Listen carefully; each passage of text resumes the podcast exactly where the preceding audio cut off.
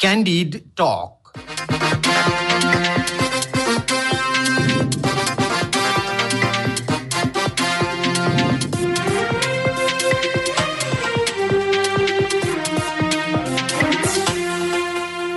नमस्कार क्यान्डिड टकमा तपाईँलाई स्वागत छ। म धीरज बस्नेत। रेडियो क्यान्डिडको प्रस्तुति कार्यक्रम क्यान्डिड टक तपाईँले शनिबार बाहेक हरेक दिन बिहान साढे छ बजेबाट सात बजेसम्म आधा घन्टा सुन्दै आइरहनु भएको छ। समसामयिक विषयमा कुराकानी हुने यो कार्यक्रम तपाईँले काठमाडौँ उपत्यका र आसपासका जिल्लामा बयानब्बे दशमलव सात मेगाहर्जमा रेडियो क्यान्डिडको आधिकारिक फेसबुक पेजमा हाम्रो पात्रोमा रेडियो क्यान्डिडको एप्स डाउनलोड गरेर र पोडकास्टमा समेत सुन्न सक्नुहुन्छ। स्थानीय तहको चुनाव नजिकिँदै गर्दा दलहरू उम्मेद्वार छान्ने तयारीमा जुटेका छन्। चुनावी प्रचार प्रसारलाई तीव्रता दिएका छन्। यसै क्रममा शीर्ष तहका नेताहरूले समेत स्थानीय तहको चुनावमा उम्मेदवारी दिन सक्ने आकलनहरू गरिएका छन्। कतिपय शीर्ष तहका नेताहरूले अर्थात् पूर्व मन्त्रीहरूले समेत स्थानीय तहको मेयरका लागि आकाङ्क्षा देखाइराखेका छन्। नेकपा एमालेको स्थायी कमिटी सदस्य एवं पूर्व मन्त्री लालबाबु पण्डित पनि स्थानीय तह निर्वाचनको मिति घोषणा भएसँगै आफ्नो गृह जिल्ला मोरङमा निर्वाचन केन्द्रित गतिविधिमा व्यस्त हुनुहुन्छ। उहाँका गतिविधि धेरैले आगामी स्थानीय निर्वाचनमा विराटनगर महानगरको मेयरमा एमालेका तर्फबाट पण्डितले उम्मेदवारी दिन सक्ने अर्थमा उनीहरूले हेरिरहेका छन्। के साँच्चै पण्डितले आगामी स्थानीय तहको निर्वाचनमा विराटनगर महानगरपालिकामा मेयर पदमा उम्मेदवारी दिँदै हुनुहुन्छ? उहाँको तयारी के छ? किन उहाँ मोरङमा पछिल्लो केही समयदेखि अत्यन्त धेरै व्यस्त बनिरहनु भएको छ र निर्वाचन केन्द्रित गतिविधिमा उहाँ हुनुहुन्छ? हामी यी र यस्तै विषयमा कुराकानी गर्दैछौँ त्यसका लागि हामीसँग प्रत्यक्ष टेलिफोन सम्पर्कमा हुनुहुन्छ पूर्व मन्त्री समेत रहनुभएका नेकपा एमालेका स्थायी कमिटी सदस्य लालबाबु पण्डित। पण्डितज्यू यहाँलाई स्वागत छ क्यान्डिड टकमा। सबैभन्दा पहिला मैले पृष्ठभूमिमा जे बाँधेँ त्यही नै प्रश्न सोध्न चाहन्छु। विराटनगर महानगरपालिकामा यहाँले मेयरका लागि आकाङ्क्षा राख्नु भएको हो वा त्यो खालको तयारी हो? नेकपा एमालेको तर्फबाट अहिलेको गठबन्धनलाई परास्त गर्नको निम्ति सकेसम्म बलियो उम्मेदवार लोकप्रिय उम्मेदवार पार्टीले निर्णय गर्छ र त्यस सन्दर्भमा हामीले व्यक्तिगत रूपमा अहिले कुनै कुरा पनि सार्वजनिक गरेका छैनौँ। व्यक्तिगत रूपमा सार्वजनिक गर्ने छुट पनि दिएका छैनौँ। पार्टीको निर्णय आधिकारिक निर्णयलाई नै निर्णय मानेर निर्वाचनमा हामी होमिन्छौँ र अहिले हामी पार्टीको चाहिँ चुनाव चिन्हलाई मत मागेर हिँडिरहेका छौँ। होइन पार्टीले निर्णय गर्ने एउटा पाटो हुन्छ तर व्यक्तिले राख्ने आकाङ्क्षा फेरि अर्को हुन्छ। तपाईँको व्यक्तिगत आकाङ्क्षा चाहिँ विराटनगर महानगरमा मेयर बन्ने हो कि होइन? अब व्यक्तिगत रूपमा म अहिले प्रतिनिधि सभाको सदस्य हुँ पार्टीको थाई कमिटीको सदस्य हुँ। त्यस कारणले व्यक्तिगत रूपमा भन्नुपर्दा अहिले पार्टीले निर्णय विशिष्ट परिस्थितिमा बाहेक प्रदेश सभा प्रतिनिधि सभा र राष्ट्रिय सभामा रहनुभएका नेताहरूलाई अहिले पठाउने सोच छैन। तर पनि अब विराटनगर महानगर जहाँ गठबन्धनले यसै पनि गठबन्धन नगर्दा पनि हिजो कङ्ग्रेसले जितेको ठाउँ हो। आज फेरि अब गठबन्धन गर्दाखेरि त एमालेलाई गाह्रो पर्ला। त्यस कारणले गर्दाखेरि तपाईँले आफ्नो प्रभाव पहुँच हिजोको दिनमा शेखर कोइरालालाई हराएको त्यो एउटा चाहिँ प्रभाव त्यहाँ विराटनगरमा देखाउन खोज्नु भएको हो कि? भन्ने खालका आशंकाहरू गरिराखिएको छ। अब नेकपा एमालेको एकजना जिम्मेवार प्रतिनिधि पार्टीको नेतृत्व पङ्क्तिमा रहेको व्यक्ति भएको कारणले जनताले चासो दिनु कार्यकर्ताले चासो दिनु सञ्चार माध्यमले चासो दिनु र विराटनगरलाई अझै चाहिँ जुन यो पाँच वर्ष विकासमा जुन अवरोध पैदा भयो। केन्द्रीय सरकारले चाहिँ आर्थिक रूपमा व्यापक रूपमा बजेट चाहिँ दिँदा दिँदै पनि काम हुन नसकेको अनुभूतिलाई लिएर हेर्ने हो भने नयाँ भिजन सहित विराटनगरको नेतृत्व हुन सकेन। त्यो कुरालाई हेरेर चाहिँ अगुवा व्यक्तित्वहरू नेतृत्वहरूसँग चाहना राख्नु स्वाभाविक कुरा हो। तर त्यस्तो चाहिँ निर्णय भइसकेको छैन। निर्णय निर्णय पार्टीभित्र छलफलको क्रममा हुने भएकोले गर्दाखेरि मेरा मतहरू म पार्टीभित्र नै राख्नेछु। भनेको भित्री मनमा इच्छा चाहिँ छ तर पार्टीले जे निर्णय गर्छ म त स्वीकार्न तयार छु। विराटनगर महानगरको मेयरका हकमा भन्ने हो। तपाईँको खास लाइन चाहिँ? मेरो व्यक्तिगत व्यक्तिगत रूप व्यक्तिगत रूपमा पार्टीलाई जिताउने हो।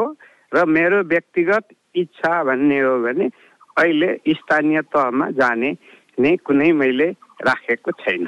त्यसो हो भने तपाईँले अघिल्लो पटक दुई हजार चौहत्तरको स्थानीय तहको निर्वाचनमा तपाईँको जुन खालको सक्रियता सक्रियता थियो र यस पटकको निर्वाचनमा तपाईँको जुन खालको सक्रियता छ त्यो चाहिँ धेरै फरक छ। हिजोका दिनमा तपाईँ करिब करिब हप्ता दिन वा महिना दिनमा एकपटक दुई चार दिन बस्नुहुन्थ्यो भने अहिले तपाईँ हप्तादेखि महिना दिनसम्म त्यहीँ बसेर जनताको घर घर गइरहनु भएको छ। यसले केही न केही फरक बुझाउँदैन? मैले पहिला पनि गत चौहत्तरको निर्वाचनमा पनि मलाई मेयरको निम्ति थुप्रै चाहिँ दबाबहरू आएको थियो माग भएको थियो र त्यतिखेर मैले पत्रकार सम्मेलन गरेरै म चाहिँ मेयरको उम्मेदवार होइन भनेर भनेको थिएँ। र अहिले मैले पत्रकार सम्मेलन गर्नु उपयुक्त ठानेको छैन र अहिले मैले चाहिँ पार्टीले निर्णय जुन गरेको छ। वार्ड वार्ड तहदेखि लिएर केन्द्रीय नेतृत्वलाई पनि स्थानीय भूगोलसँग जोडेको हुनाले गर्दाखेरि मैले आफैले पनि मैले पार्टीभित्र सम्हालेको चाहिँ सम्पर्क समन्वय चाहिँ कमिटी हो सातै प्रदेश र चौहत्तरै जिल्लाको हो। त्यसको काम पनि एक किसिमले चाहिँ सम्पन्न गरेर काठमाडौँबाट चाहिँ एउटा सन्देश दिएर अनि आफ्नो जिम्मेवारीको कामहरू अहिले चाहिँ सञ्चार यो चाहिँ प्रविधिको प्रयोग गरेर निरन्तर गरिरहेको छु र भूगोलसँग केन्द्रित छु। र मोरङको निर्वाचन क्षेत्र नम्बर छ चाहिँ मेरो आफ्नै निर्वाचन क्षेत्र पनि हो र यसभित्र महानगरपालिका र गाउँपालिका र नगरपालिका तिनवटा क्षेत्र पर्ने भएकोले गर्दा र मोरङमा चाहिँ अन्य पालिकाहरू र साथसाथै सुनसरीको पनि छिमेकी जिल्ला भएकोले गर्दाखेरि यी ठाउँहरूमा चाहिँ नेकपा एमालेको प्रभावलाई चाहिँ र जनप्रतिनिधिहरूलाई र कार्यकर्ताहरूलाई लाई सम्भावित उम्मेदवारहरूलाई चाहिँ अहिले चाहिँ घर दैलो र र उम्मेदवारी चयनको प्रक्रिया र को साथसाथै प्रचार प्रसारमा सङ्गठन निर्माणमा टोल बस्ती गाउँ कुना हरेक ठाउँमा चाहिँ बिहानदेखि रातिसम्म चाहिँ लागिरहेको हुनाले गर्दाखेरि मैले चाहिँ पार्टीलाई लाई जिताउनको निम्ति अहिले मूल भूमिका खेलिरहेको एउटा स्थिति हो। त्यस कारणले गर्दा आफ्नो समयलाई पार्टीको अहिलेको निर्वाचनमा पूर्ण रूपमा समर्पित भएर लागेको छु। पार्टीले जित्ने आधार कति देख्नु भएको छ तपाईँले विराटनगरमा? मैले चाहिँ पार्टीले जित्ने आधार देखेको छु किन भन्दाखेरि सङ्घीय सरकार र प्रदेश सरकारले विराटनगर महानगरपालिकाले गरेको भन्दा पनि बढी काम चाहिँ विराटनगरमा गरेको छ र यो क्षेत्रभित्र मोरङ जि जिल्लाभित्रै गरेको हुनाले गर्दाखेरि एउटा जनताको सेवामा नेकपा एमाले लागेको छ। पार्टी ती सरकारमा हुँदा गरेको काम र कतिपय कामहरू अधुरा छन् ती अधुरा कामहरूलाई पुरा गर्न र नयाँ दृष्टिकोण र सोचको साथ एमाले मात्रै आउँछ भन्ने हिसाबले ले जनतामा एक किसिमको प्रभाव परिरहेको र नेकपा एमाले चुनावी मैदानमा एक्लै सबै दर्ता भएका पार्टीहरूसँग चाहिँ जस्तो सुकै गठबन्धन गरेर आए पनि सामना गर्न तयार छ र नेकपा एमालेसँग चाहिँ सामना गर्नको निम्ति ठुलो आफूलाई बुढो पार्टीको रूपमा नेपाली काङ्ग्रेस लागे पनि नेपाली काङ्ग्रेसको सभापति नै थरथर कामदै चाहिँ आफ्नै केन्द्रीय कमिटीको बैठकमा चाहिँ नेकपा एमालेसँग एक्लै भेट्न सकिँदैन होइन र अस्तित्व बचाउनको निम्ति माओवादी पनि जुम्रा जस्तै चाहिँ काङ्ग्रेससँग टाँसिएछ र भगौरा माधव नेपालको समूह पनि त्यतै टाँसिएछ र आफ्नो आफ्नो प्रभाव र नभएको र दृष्टिकोण पनि नभएकाहरू चाहिँ गठबन्धन गर्न लागिरहेछन्। ती गठबन्धनको उद्देश्य देशमा चाहिँ परिवर्तन ल्याउनु होइन विकास ल्याउनु होइन। उनीहरू बिहानदेखि बेलुकीसम्म एउटै कुरा रट्छन् कि गठबन्धन बनाएर एमालेलाई हराउने। गठबन्धन बनाएर देशलाई विकास गर्ने होइन एमालेलाई हराउने भन्दाखेरि कति कमजोर रहेछन् ती गठबन्धनमा लागेका दलहरू र एमाले कति बलियो रहेछ? त्यस कारणले ले एमालेको अरू पार्टीहरू घुमिरहेको को प्रष्ट बुझिन्छ। एमालेलाई बलियो भने पनि खासमा तपाईँहरूले पार्टी फुटको क्षति बेहोर्नु परेको छ। गठबन्धन एकजुट हुँदाखेरि त्यसको प्रभाव सहनु पर्ला। एउटा कुरा गर्नु र त्यहाँको वास्तविक धरातल त फेरि फरक होला नि त। हाम्रो पार्टीबाट फुटेका र भागेका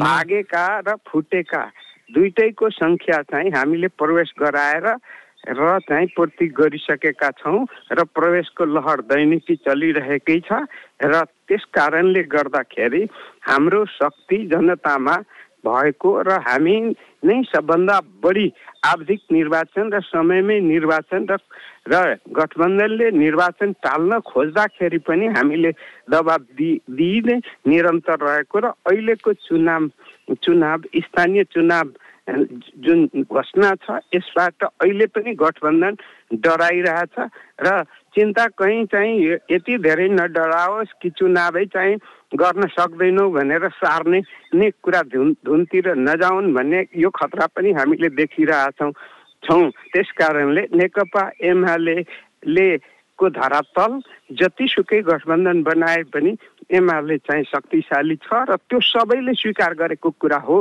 त्यस कारणले गर्दा स्वीकार गरिसकेको हुनाले गर्दाखेरि खेरि चाहिँ उनीहरू चाहिँ जति सकिन्छ धेरैसँग गठबन्धन गर्ने जति सकिन्छ धेरै षड्यन्त्र गर्ने नै कुरामा लागिरहेका छन् र सबै षड्यन्त्र र यो गठबन्धनलाई हामी चकनाचुर गरेर देखाइदिन्छौँ चुनावमा परिणाम ल्याएर।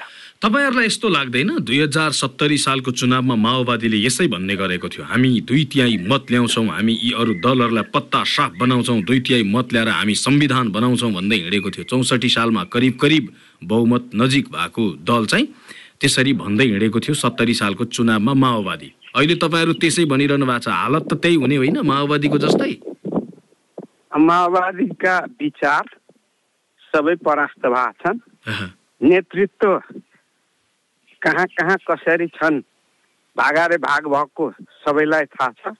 हिजोको शक्ति हतियार बोक्ने शक्ति आज रुँदै बस्नु परेको स्थिति छ। केही व्यक्तिहरू चाहिँ सम्पन्न भएका छन् र केही व्यक्तिहरू अपराध गरेर आफूले आफैलाई दण्डित पनि गरिरहेका छन्। त्यस कारणले गर्दाखेरि नेकपा एमाले त्यो तहमा छैन र नेकपा एमाले सधैँ जनताको सेवा गर्छ सत्तामा रहँदा पनि गर्छ नरहँदा पनि गर्छ र जनतालाई नै भगवान् मानेर र निरन्तर सेवा गरिरहेकोले गर्दाखेरि सेवाको को फल त मेवा मिठो चाहिँ आउँछ नै। त्यसैले गर्दाखेरि हामी निराशामा होइन निराशा निराशा बोक्नेहरूलाई परास्त गर्न चाहन्छौँ। हामी आशावादी हौँ र हाम्रो पार्टी अध्यक्ष केपी शर्मा ओली पूर्व प्रधानमन्त्रीले बारम्बार भन् भनिराख्नु भएको छ।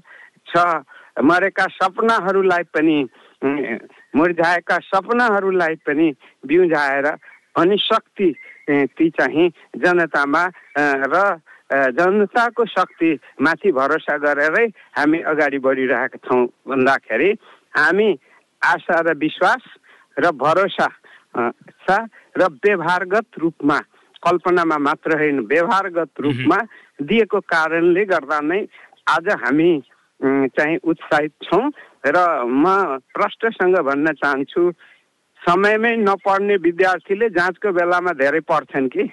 तर निरन्तर पढ्ने विद्यार्थीले जाँचको बेलामा उ ऊ तनाव लिँदैन। तनाव लिने विद्यार्थीहरूको नम्बर कम हुन्छ तनाव नलिने ने विद्यार्थीहरूले राम्रो नम्बर ल्याएको हुन्छन्। त्यसकारण निरन्तरता नै हो जनताको सेवा तनाव नलिने भएर हो तपाईँहरू चाहिँ जिल्ला जिल्ला दौडिनु भएको घर घर जानु भएको लौ न हामीलाई भोट दिनु पर्यो भन्दै हिँड्नु भएको? चुनावमा भोट माग्नु अपराध हो। हामी जनताको बिचमा सधैँ थियौँ र अहिले पनि छौँ।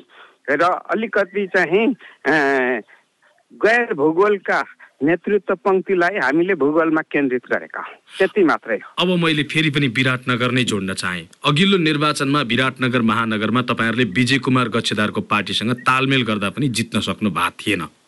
यसपटक एमाले कसैसँग तालमेल गर्ने सोचेको छ कि एक्लै लड्ने विचार गरेको छ विराटनगरमा विगतमा हामीले तालमेल गरेर आफ्नो मत पनि घटायौँ।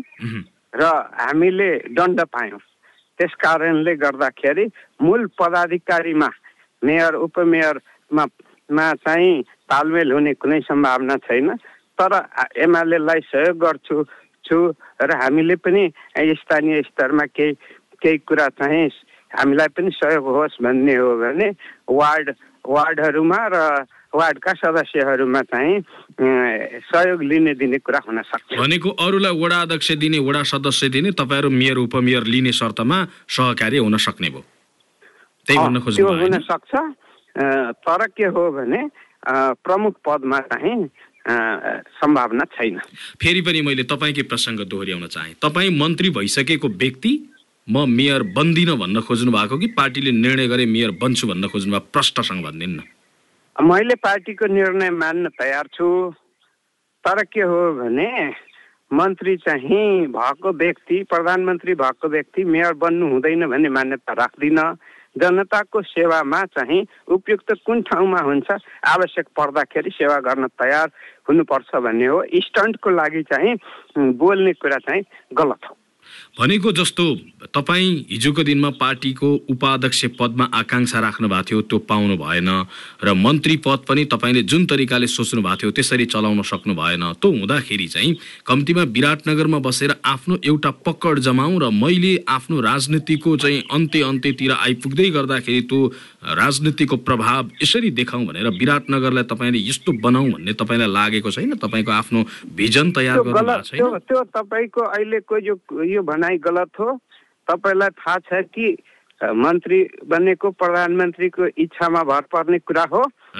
हो संसदीय प्रणालीमा मूलत प्रधानमन्त्री प्रणाली नै हो त्यस कारणले गर्दाखेरि म मन्त्रीबाट हटेपछि दोस्रोचोटि मन्त्रीबाट हटेपछि पनि राष्ट्रिय योजना आयोगमा मन्त्रालयको मूल्याङ्कन प्रस्तुत भएको थियो र त्यतिखेर दोस्रो नम्बरमा हाइएस्ट मार्किङ चाहिँ मेरो थियो र त्यतिखेर चाहिँ एट्टी सिक्स पर्सेन्ट चाहिँ आएको मार्किङ गरिएको थियो र तिस पर्सेन्ट मार्किङ हुने मन्त्रीमा बसे तर एट्टी सिक्स पर्सेन्ट मार्किङ हुने चाहिँ हामी राजनीतिक